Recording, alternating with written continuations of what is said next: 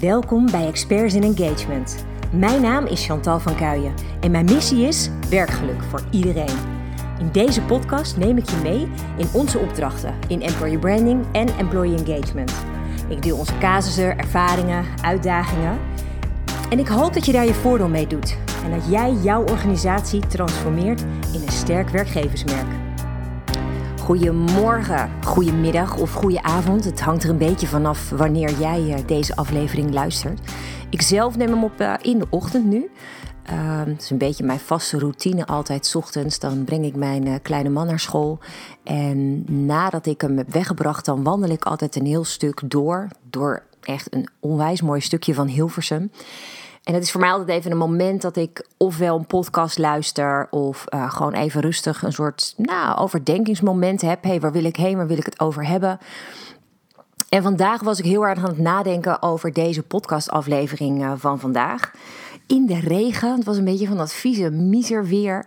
Maar ergens kon me dat ook echt totaal niet boeien. Want ja, je weet je, je loopt daar lekker, je bent buiten. En het geeft altijd een soort van, van rust of zo. Als je op die manier je dag kan beginnen. Ik kan het je zo aanraden. Um, en ik was heel erg aan het nadenken over... wat wil ik nou graag delen? En er is wel iets wat mij van hart ja, mag, omdat dat iets is wat ik eigenlijk al zo vaak ben tegengekomen in mijn werk binnen employer branding. Dat ik dacht, ja, misschien is het wel goed om daar eens een aflevering uh, aan te wijden. En het gaat erover dat, wat mij betreft, employer branding geen reclametruc moet zijn. En wat ik daarmee bedoel, is dat ik heel erg vaak zie dat organisaties zichzelf mooier willen verkopen dan dat de werkelijkheid intern eigenlijk is. En, en daar krijgen ze vaak ook hulp bij. Uh, laat ik even vooropstellen dat ik vandaag ook geen namen zal noemen uit respect voor organisaties of voor de bureaus die deze organisaties helpen. Uh, maar dat het meer gaat om de boodschap van joh, denk eens na over hoe je jezelf als organisatie presenteert, wat jij vertelt aan de markt en welke uitwerking dat heeft. Dat is een beetje meer de bewustwording die ik wil, wil laten ontstaan. Um, want waar het mij heel erg om gaat, is dat ik dus heel vaak zie dat bedrijven, uh, organisaties uh, met een soort reclamische manier hun dingen mooier willen maken. Nou, we weten allemaal dat de reclames producten eigenlijk heel vaak mooier maken dan ze daadwerkelijk zijn. Op het eerste gezicht lijkt iets een hele mooie aanbieding en dan denk je: "Oh, wauw, ja, als ik dit aanschaf, nou, dan gaat mijn leven er mooier uitzien." Um, maar in werkelijkheid blijkt dat dan toch wel een tikje uh, mee te, tegen te vallen, denk ik eigenlijk zelfs. En nou, denk bijvoorbeeld aan uh, afslankproducten. Elk afslankproduct lijkt mensen direct kilo's te laten afvallen. Even serieus, als dat waar zou zijn, zouden we dan nog steeds te maken hebben met een groeiend aantal mensen met obesitas? Dat geloof ik bijna niet. Of um, de reclame van een deodorant die uh, je als man woest aantrekkelijk maakt. Dat je hordes vrouwen achter je aankrijgt. Nou, ik weet niet hoe het met jou zit, maar ik heb dat nog nooit daadwerkelijk zien gebeuren ergens. En ik zou hem ook verbieden hoor voor mijn man, want dat lijkt me niet een hele goede ontwikkeling. Uh, maar nou ja, ik vind het idee natuurlijk, ik vind het fantastisch. Als je het op die manier uh, een soort van illusie verkoopt. Dat is natuurlijk mooi, zolang mensen ook zien dat dat een illusie is. Iedereen snapt van die reclame hopelijk dat dat ook niet geheel de realiteit zal zijn. Waar ik altijd ook heel erg om moet lachen is de reclame op tv. Uh, zelfs mijn kleine man die vindt daar wat van. Dat ze snoep met 30% minder suiker verkopen als of het gezond zou zijn. Dat je gezond zou snoepen. En ja, dan zegt mijn zoon altijd tegen mij: Maar mama, dat is toch helemaal niet waar? En dan denk ik ook: oh, gelukkig, die is negen en die snapt dit al. Maar waar het om gaat, um, is dat je ziet dat iets wellicht een tikje overdreven is. Ik bedoel, uh, als je iemand ziet die ijsthee heeft gedronken, iced green, en die dansend over straat gaat. Nou, ik zou iedereen aanraden om ijsthee eh, te gaan drinken, want dan wordt het een vrolijke boel. Weet je, dat zou echt fantastisch zijn. Als dat kan, helemaal top. Maar in alle eerlijkheid weten we natuurlijk ook dat dat helemaal niet zo werkt. En daar wil ik je eigenlijk een beetje mee doorheen nemen vandaag? Wat gebeurt er? Waarom besluiten organisaties dit? En als je het al besluit, wat gebeurt er dan? Wat levert je je nou daadwerkelijk op? Kijk, wat opvallend is, zeker als ik kijk naar hoe de arbeidsmarkt er nu uitziet. We hebben, mm, ik weet niet of je het zelf ook in de gaten hebt gehad, maar er zijn ongelooflijk veel vacatures op dit moment. En het is best ingewikkeld om daarvoor de juiste mensen uh, binnen te halen. Uh, dus de druk ligt best hoog. En ik begrijp best wel dat je als organisatie um, het water aan de lippen kan hebben staan. Dat je denkt: oh man, wij moeten echt gewoon snel nieuwe mensen hebben, want onze dienstverlening of onze productie komt in gevaar. Ja, dan heb je wat te doen, tuurlijk. Absoluut een feit. Maar vaak is, en dat is wat ik ook al heel vaak heb geroepen, dit ad hoc denken, het korte termijn denken, het grootste gevaar voor je organisatie. Op het moment dat jij alleen maar bezig bent met wat er vandaag of morgen op je pad komt en nooit vooruit kijkt, dan blijf je deze situatie continu opnieuw tegenkomen. En wat krijg je dan? Nou, dan heb je bijvoorbeeld ermee te maken dat in je organisatie je veel uitzendkrachten moet aannemen, omdat uh, bijvoorbeeld je, ziekteverzuim ligt redelijk hoog of uh, er is een, een redelijk hoog verloop van personeel dan moet je op de een of andere manier, als jouw um, dienstverlening moet doordraaien, moet je daar dus een oplossing voor bedenken. Moet je dus snel op de een of andere manier aan mensen komen. Nou, veel organisaties die doen dat dus door bijvoorbeeld tijdelijk uitzendkrachten in te zetten. Of door een hele snelle campagne in elkaar te draaien en op basis daarvan dan uh, nieuwe medewerkers aan te trekken. Nou, ik wil niet zeggen dat het een of het ander helemaal fout is. Als het voor je werkt, helemaal top. Maar ik geloof er wel in dat dit namelijk veel beter voor je kan. Um, een van de dingen die mij is opgevallen toen ik met um, onder andere oud-opdrachtgevers, maar ook met um, mijn employer brand specialisten in de markt af en toe, daar, daar spar ik af en toe mee. Vind ik onwijs leuk om te horen uh, wat er bij hen leeft en hoe zij dingen ervaren, hoe projecten verlopen, hoe organisaties zich opstellen.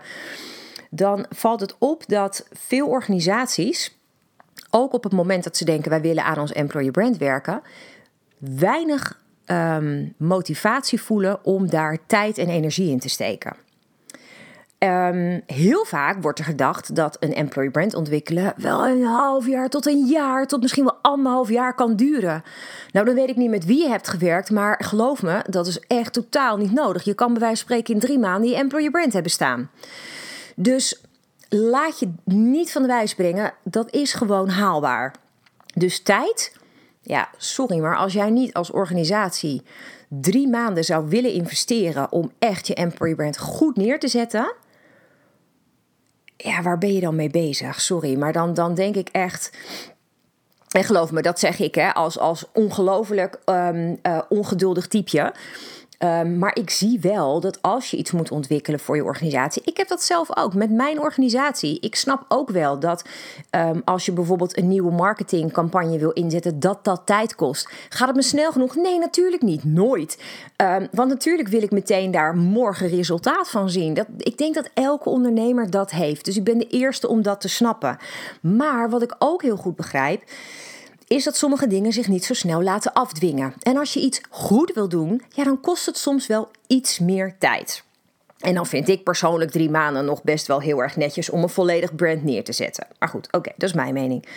Um, daarnaast is het ook zo, wat ik heel vaak hoor, is dat organisaties het maar ingewikkeld vinden om een onderzoek uit te zetten onder hun medewerkers. Om zeg maar het echte employer brand vorm te geven. Want wat houdt dat in?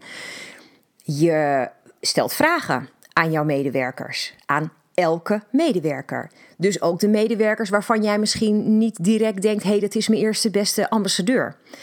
En doordat je dus vragen gaat stellen aan iedereen, krijg je misschien ook wel respons waarvan je denkt: oei, dat is een beetje pijnlijk. Dat had ik misschien liever niet willen weten.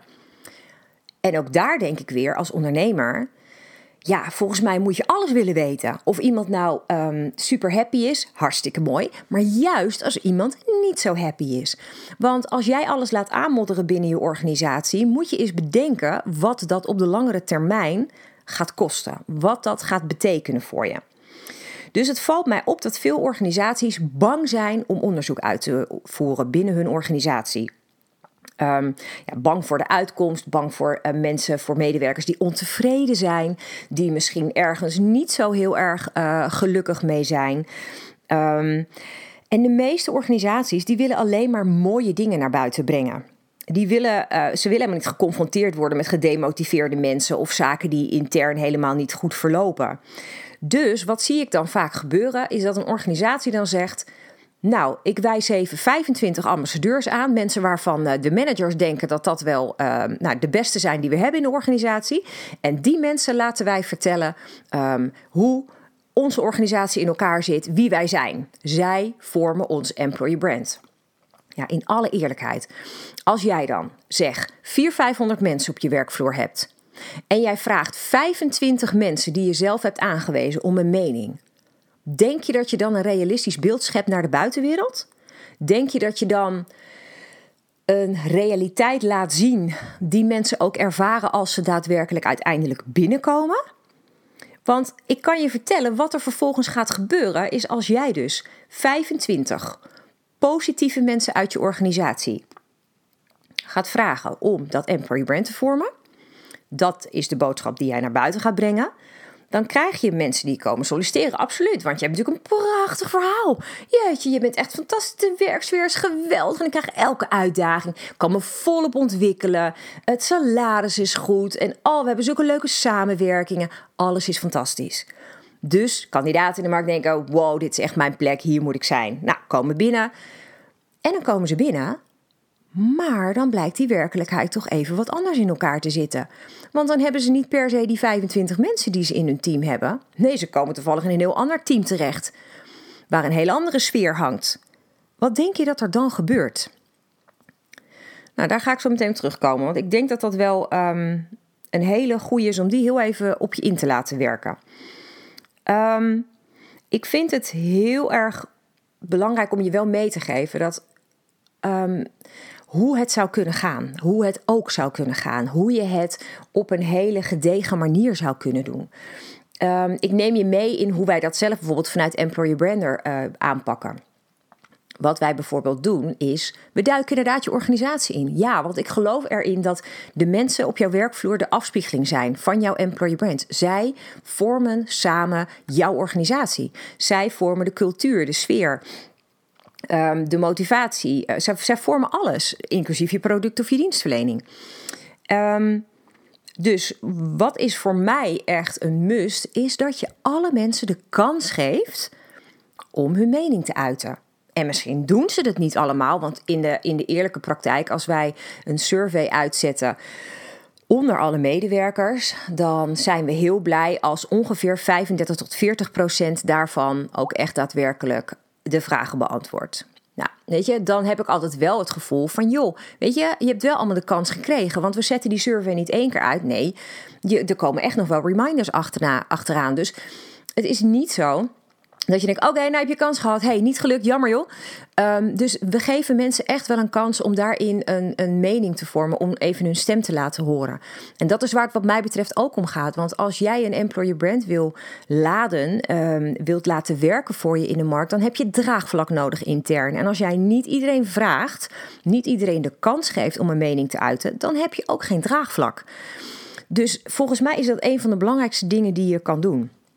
Als je er dan vanuit gaat dat zo'n survey maximaal 10 minuten van iemands tijd kost, dan kan het toch hopelijk niet zo zijn dat je denkt: ja, nee, maar dat uh, gaat ten koste van de productie of dat gaat ten koste van de dienstverlening. Oeh, dat kan echt niet.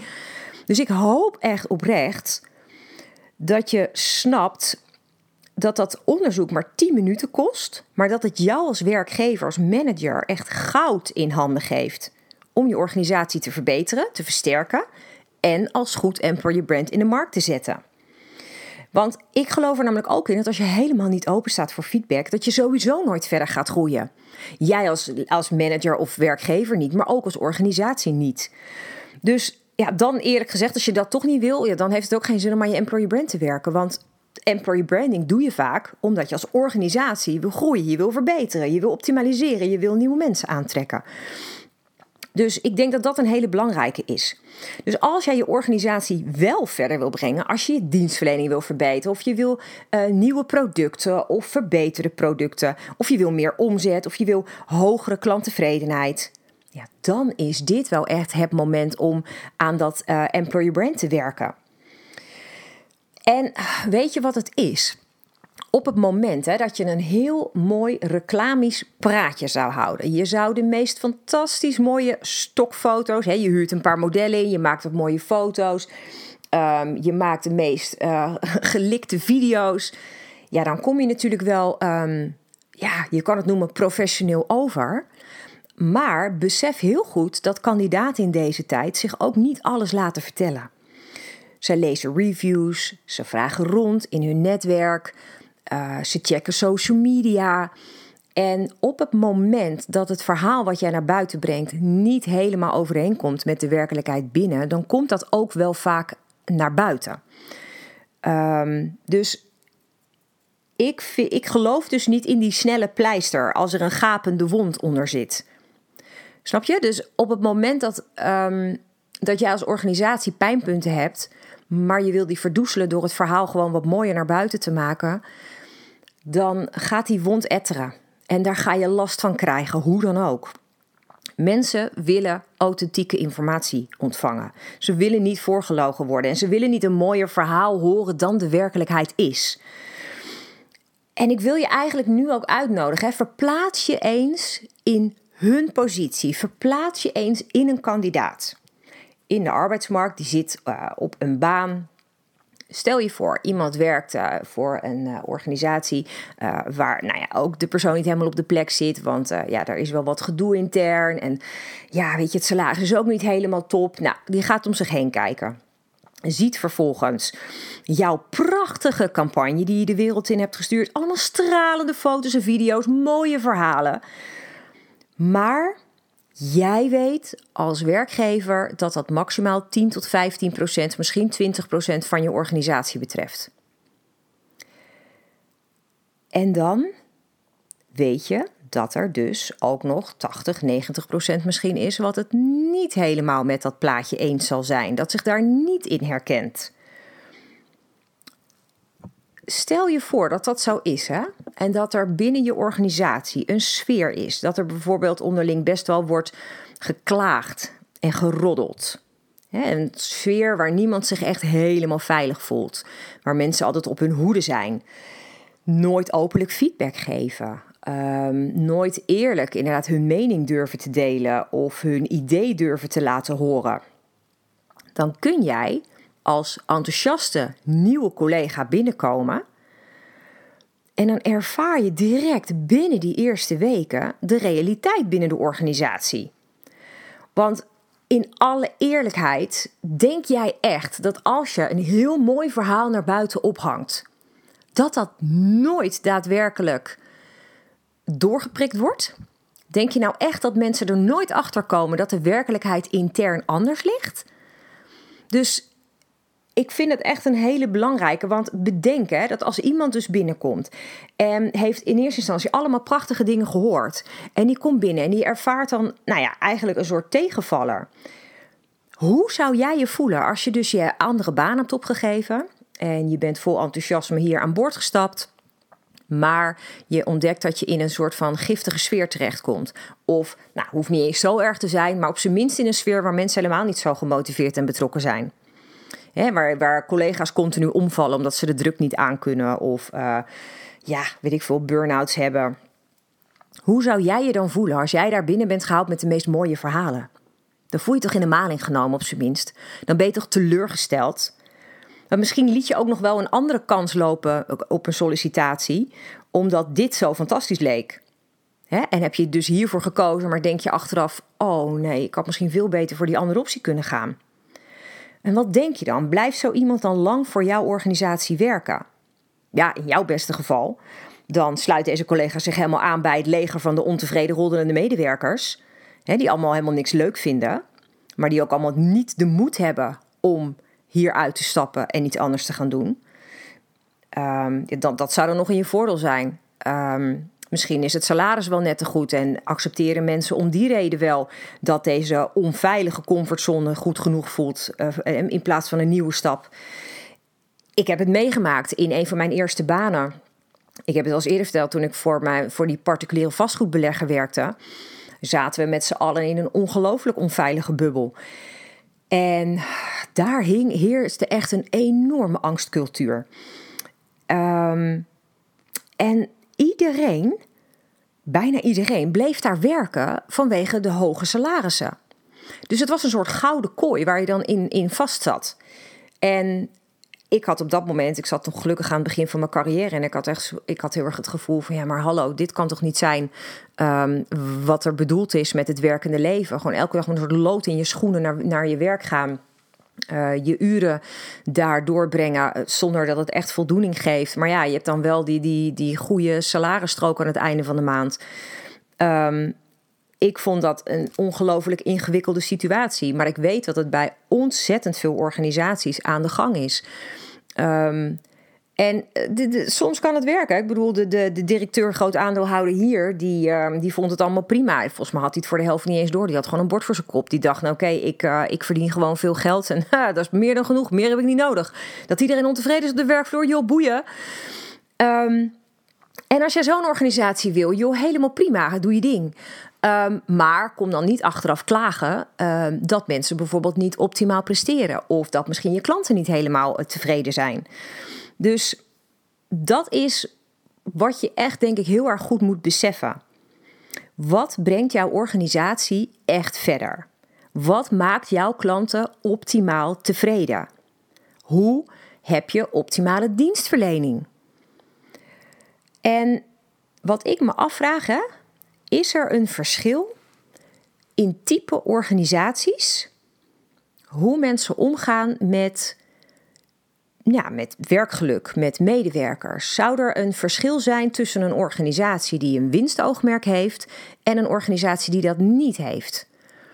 Dat vraag ik me af. Wat, wat is jouw mening daarover? Heb jij het gevoel dat als je een winstoogmerk hebt, dat je harder je best moet doen voor het werkgeluk van je medewerkers, omdat alles wat zij ervaren afstraalt op het succes van je organisatie? Is dat misschien een ding?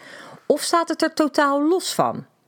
Ik, ik ben wel nieuwsgierig hoe mensen dat ervaren.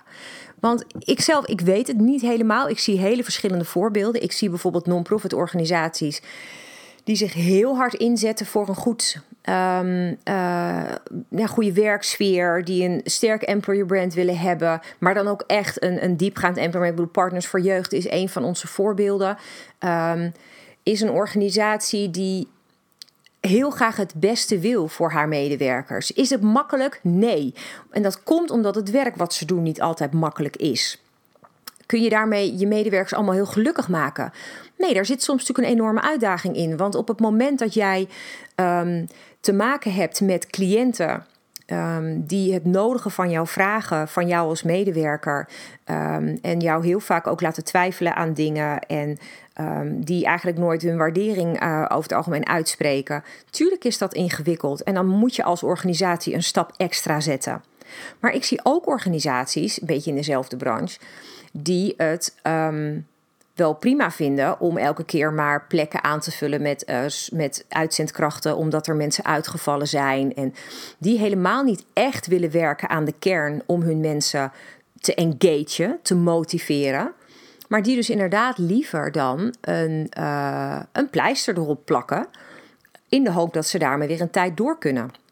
En mijn vraag is vooral aan je: waar ligt voor jou de nadruk? Wat vind jij het meest belangrijk? wat, wat wil jij met je organisatie? Wat wil jij met je team?